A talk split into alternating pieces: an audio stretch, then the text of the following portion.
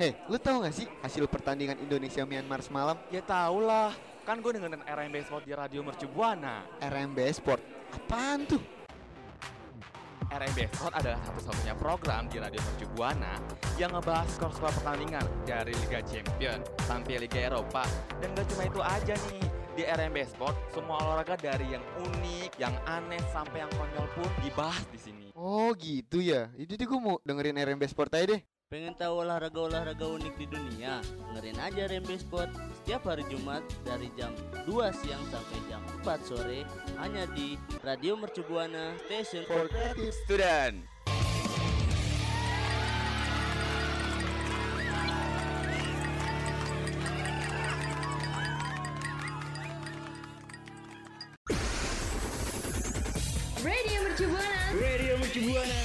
Station Station for.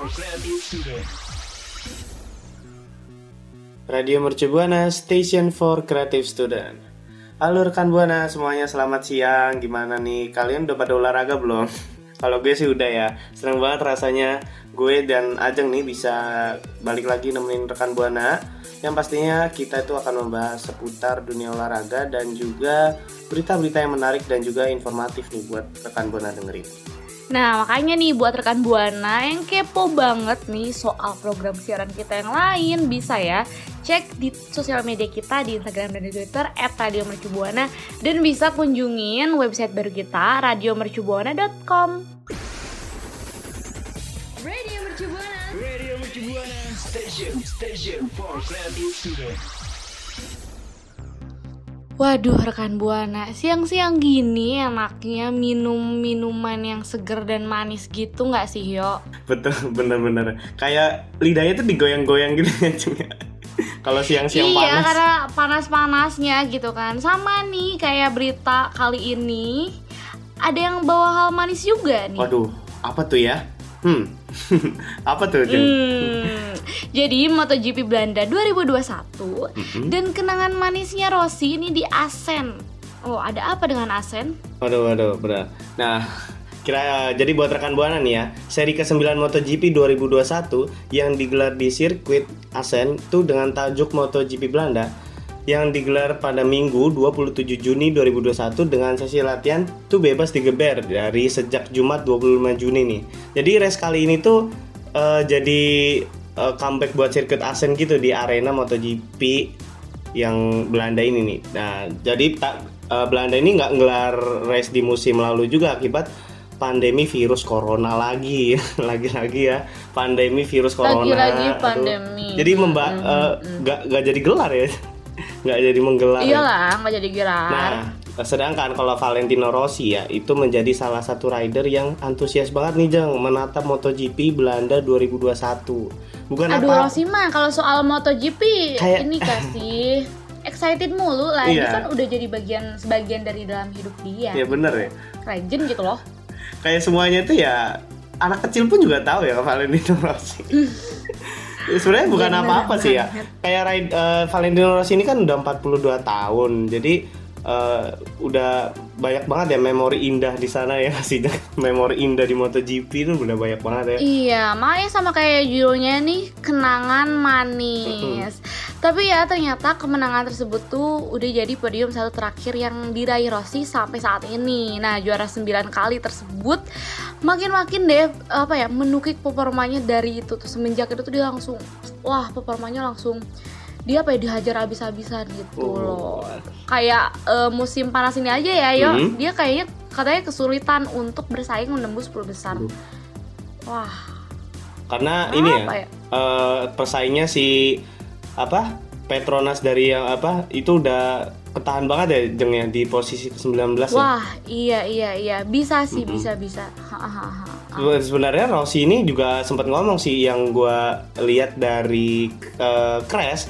Jadi saya Apa dia ngomong apa? dia itu selalu selalu bahagia gitu jeng di balapan Asen tuh karena di sana itu kayak tempatnya itu menarik banget. Jadi si Rossi ini suka suka banget sama tracknya gitu, suka banget sama jalanan belok-belokannya gitu.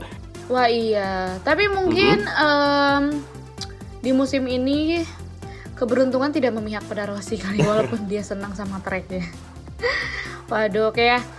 kita aduh tapi sebenarnya kalau tapi gue sebenarnya mau ngomong- kasih tahu eh, ke lu nih sama Apa? rekan buana sebenarnya prestasi tertinggi Valentino Rossi yang ada di MotoGP Belanda itu ada loh banyak banget loh nih lu? Mm-mm, ya kan? Banyak banget. Dari yang 125 cc dari kelas motor 125 cc itu dia ada di peringkat podium satu loh. Ini tahun 1997 terus 97 betul. Hmm, terus juga ada yang kelas 250 cc nih. Itu juga dia juara, juara satu nih di podium satu loh, Jeng. Ini tahun 1998. Aduh, podium satu mulu dia. Iya, makanya. Nah, terus yang di kelas MotoGP nih, nah itu udah pasti 1000 cc ke atas ya. Ini dia juga di podium satu nih, waktu tahun 2002, 2004, 2005, 2007, 2009, ada 2013, 2015 dan yang terakhir tuh ada di 2017. Udah agak lama ya kemenangan terakhirnya ya. Waduh, iya keren banget ya. Aduh. Makanya itu kenapa dia bisa banget disebut jadi legenda. Ya kenapa nggak disebut legend coba ya? Kalau kemenangannya aja sebanyak ini ya nggak sih? Radio Mercubuana Station Station for Creative Students Nah, rekan Buana, berita kali ini tuh datang dari sepak bola ya. Pokoknya olahraga nggak jauh-jauh lah dari sepak bola ya, Jeng ya. Jadi, ini dikutip dari sportdetik.com. Jadi, eh, Portugal ini bakalan menjalani duel hidup dan mati dengan Prancis di Euro 2020 nih. AC Lekau ini akan menentukan nasibnya sendiri. Jadi di klasemen Euro 2020 grup F, Portugal ini tuh ada di posisi ketiga Raihan angka Cristiano eh, Ronaldo itu sama dengan Jerman dan Portugal ini ada di posisi lebih rendah karena kalah head to head. Jadi Prancis itu yang menjadi pengusaha grup F gitu yang biasa disebut eh, tim ayam jantan ya. Ini tuh mampu mengumpulkan 4 poin hasil dari dua kali bertanding nih Jeng. Betul banget. Dan di pertandingan dengan Prancis nih yang bawa kemenangan Mhm. ini, eh, Portugal tuh sampai lolos ke babak perempat final Euro 2020. Nah, pemain Portugal PP itu sadar dengan tekanan dan ekspektasi besar untuk timnya. Jadi kayak waduh, gue udah menang nih gitu kan ke perempat final. Makanya eh, PP menyadari kayak ini tuh jadi sebuah eh, suatu harapan yang besar lah ya ya untuk timnya gitu, untuk jadi juara gitu. Sebenarnya kata PP sendiri yang udah dikutip dari situs UEFA itu eh, dia berkata nih kalau kami hanya bisa mengandalkan diri sendiri untuk melaju. Itu tuh hal yang paling penting yang harus kami ingat. Kami itu eh, kami kami tahu kalau itu akan berat tapi kami akan mencoba untuk mengelola ekspektasi semua orang dan lolos dari grup. Jadi itu kata PP-nya sendiri nih. Jadi sebenarnya eh, Portugal tuh harus mulai menjadi tim yang seperti dahulu ya kan menunjukkan solidaritas dan keberanian di lapangan. Jadi kata PP sendiri itu eh, Portugal tuh juga harus melakukan apa yang eh, diminta pelatih kepada eh, tim Portugal sendiri gitu. Kami menghadapi lawan yang tangguh gitu, Jong. Jadi eh, mereka tuh benar-benar latihan keras banget ya, ya. Iya bener banget. Portugal tuh masih berusaha ekstrim lah buat lawan Prancis. Mereka kurang oke sih waktu lawan Mhm. Prancis dalam lima pertandingan terakhir. Nah akhirnya eh, Portugal memetik satu kemenangan, satu hasil seimbang dan menelan tiga kekalahan. Waduh. Aduh, sayang banget ya kebanyakan kalah ya jadi. Ya ya udah, oh, nggak apa ya rekan buana. Kita doain saja nih yang terbaik untuk eh, Portugal. Semoga di kejuaraan nanti dia bisa menang ya. Radio Station for Creative Students Ini dia empat fasilitas olahraga gratis di Monas yang ada lapangan bulu tangkis ya nih. Bulu tangkis tuh kayaknya favorit Rio banget gak sih rekan Buana? Kita kan sering banget ya denger Rio kayak Oh, gue seneng nih bulu tangkis bahkan dia pernah tuh ikutan klub bulu tangkis ya kan yuk Apa? Ikutan UKM. ekskul UKM Iya, UKM bener. Ah. ya, ya kan enak Aduh, buat main-main. ceritain dong gimana rasanya Rasanya apa nih? jadi atlet jadi atlet gitu Aduh, jadi atlet amin amin. Nah, eh se- lu sendiri tuh eh, kalau sering ke Monas sebenarnya lu olahraga nggak jang? gue sih kalau ke Monas lebih ke main-main. Lo tau gak sih banyak kuliner banyak kuliner kan di depan Monas lagi malam-malam dan gue tuh seneng banget sama kerak telur ya. Jadi kalau gue ke Monas gue nggak pernah sih siang-siang. Maunya pagi-pagi. Oh iya, iya ya, biar nggak panas ya, bener sih. nah, eh, tadi kan eh, buat rekan buana, gue sama Ajeng pengen ngasih tahu nih ada empat fasilitas olahraga gratis yang ada di Monas. Jadi yang pertama itu ada lapangan bulu tangkis outdoor. Nah, lapangan bulu tangkis ini tuh udah jadi salah satu fasilitas olahraga yang paling baru nih karena baru apa? Baru banget diresmikan eh, oleh mantan gubernur DKI Jakarta Basuki Cahayana Purnama. Aduh panjang banget. Ahok ya, udah singkatnya Ahok.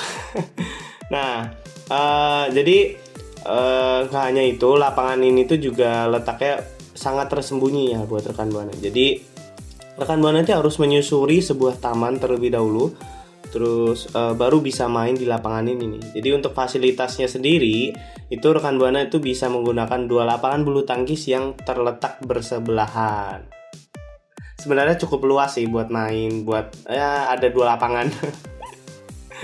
Nah yang kedua nih di lapangan basket. Aduh kayaknya ini main bulu tangkis bisa di lapangan apa aja nggak sih yang penting luas dan ada netnya gitu kan. ya kan. Kayak di lapangan basket yang emang terletak sangat deket. Eh itu kok deket banget sih sama taman untuk refleksi. Waduh, jadi Ya walaupun lapangan apa? jadi kalau pas capek pegel refleksi. Lo refleksi dulu, refleksi dulu. Aduh, enak nih. Aduh malah malah deh. Abis malah abis smash smash Iya. gitu kan tangan berasa pengen copot refleksi dulu Aduh. Aduh. tapi enggak ya rekan buana walaupun lapangan basket itu kan cuma satu tapi lapangannya tuh lengkap banget eh, dengan dua ring basket sampai sampai rekan buana tuh bisa main sama tim Hmm. gitu full boleh lapangan tersebut juga hampir setiap hari digunakan oleh pengunjung nah salah satunya eh, ada pemain nih yang mungkin orang ya apa warga lokal yang Hmm. sering bermain di situ eh, berkomentar katanya biasa datang untuk bermain basket di akhir pekan itu waktu pukul 6 sore eh 6 sore 6 pagi. 6 pagi Mm-mm. jadi kayak masih Pagi-pagi pagi banget ya, masih gitu kan ya ya. masih fresh enggak lah orang mah pagi-pagi tuh nggak ngantuk ya nggak begadang emangnya lu main game begadang Aduh, kan aduh jangan jangan jangan Paginya. spoiler ya, please jangan spoiler. Aduh, rekan buana jangan ditiru ya. Nah, buat yang eh, ketiga nih rekan buana, ini sebenarnya olahraganya eh, sering banget ya bolanya dipakai buat main basket. Kalau nggak ada bola basket, biasanya ini bola sering dipakai tau jeng. Jadi eh, olahraga ini la- olahraga volley nih. Jadi sama seperti lapangan futsal ya. Lapangan volley ini juga masih berada dalam area yang sama dengan fasilitas olahraga permainan bola lainnya gitu. Jadi dalam satu area itu ada lapangan volley, ada lapangan futsal gitu. Nah, jadi eh, karena lapangan volley ini terletak tepat di sebelah lapangan futsal, tapi sama seperti lapangan basket nih, lapangan untuk bermain volley ini hanya disediakan satu lapangan aja nih. Selain itu, ukuran lapangan volley ini juga lebih kecil dari lapangan basket. Karena jumlah pemain dalam permainan volley itu nggak membutuhkan orang yang sebanyak permainan futsal gitu atau basket. Jadi lebih kecil lah. iya sih, tapi bisa dipakai untuk apa aja sih kayak lapang serbaguna gitu nggak sih? Biasanya kalau lapangan volley biasanya bisa dipakai buat main bulu tangkis. Jadi balik Ada, lagi. ada, ada, ada, ada sih. Nah, yang keempatnya ada lapangan futsal. Lapangan futsal ini emang terletak tepat bersebelahan dengan lapangan basket ya. Tapi lapangan futsal ini punya lahan yang lebih lebar lagi dibandingkan dengan lapangan basket. Karena pemain futsal kan eh, butuh banyak orang ya harus gerak Hmm, gitu kan dengan pasti nih. cepat secara leluasa kayak was was was gitu kan peminjaman peminjaman tempat futsal di Monas juga eh, nggak dikenakan biaya nih rekan buana tapi harus melampirkan izin Hmm. permohonan nah buat rekan buana yang mau pakai lapangan futsal jangan lupa untuk bikin perizinannya nggak bisa langsung nggak bisa langsung asal masuk ya Benar. Iya, apalagi kan biasanya futsal itu kan rame-rame ya, jadi harus ganti-gantian ya rekan buana jangan serakah ya. Mungkin buat rekan buana yang belum tahu atau yang udah tahu ya, ya jangan. Atau yang udah pernah nyoba eh, lapangan-lapangan gratis nih, atau mungkin eh, bisa rekan buana kasih tahu nih lapangan bulu tangkis nih yang berada di Monas tuh di eh, di terletak di mana itu boleh aja langsung mention di Twitter kita di @radiomercubuana dengan hashtagnya RMB Sport. Radio Mercubuana. Station Station for Creative Student Waduh rekan Buana udah jam segini ya. And it means gue sama Rio harus pamit undur eh, suara. Waduh padahal kita seru-seru banget ya. Tadi yo udah jelasin soal MotoGP Belanda, Rossi gitu kan Terus tadi apalagi ya Em, Portugal versus Prancis Iya. gitu kan penentuan nasibnya dan yang terakhir nih yang paling aduh kayaknya ditunggu-tunggu banget gak sih setiap kita Paling- siaran paling selalu heboh. ngere mm, ngerekomendasiin gitu kan tempat-tempat olahraga yang ada di sekitar Jakarta. Nah tadi tuh ada empat fasilitas olahraga yang gratis di Monas, yang ya ada deh lapangan bulu tangkisnya ya. Hmm, betul betul. Gitu, itu bisa banget deh buat rekan buana yang emang kayaknya atlet banget gitu kan, atau nggak harus sehat banget. Nah boleh kali dikunjungin tempat-tempat tadi yang kita Iya. rekomendasiin. Betul banget rekan buana nih. Tapi eh, sayang banget ya ini tuh juga eh, siaran terakhir kita ya, siaran terakhir gue sama Ajeng nih buat rekan buana.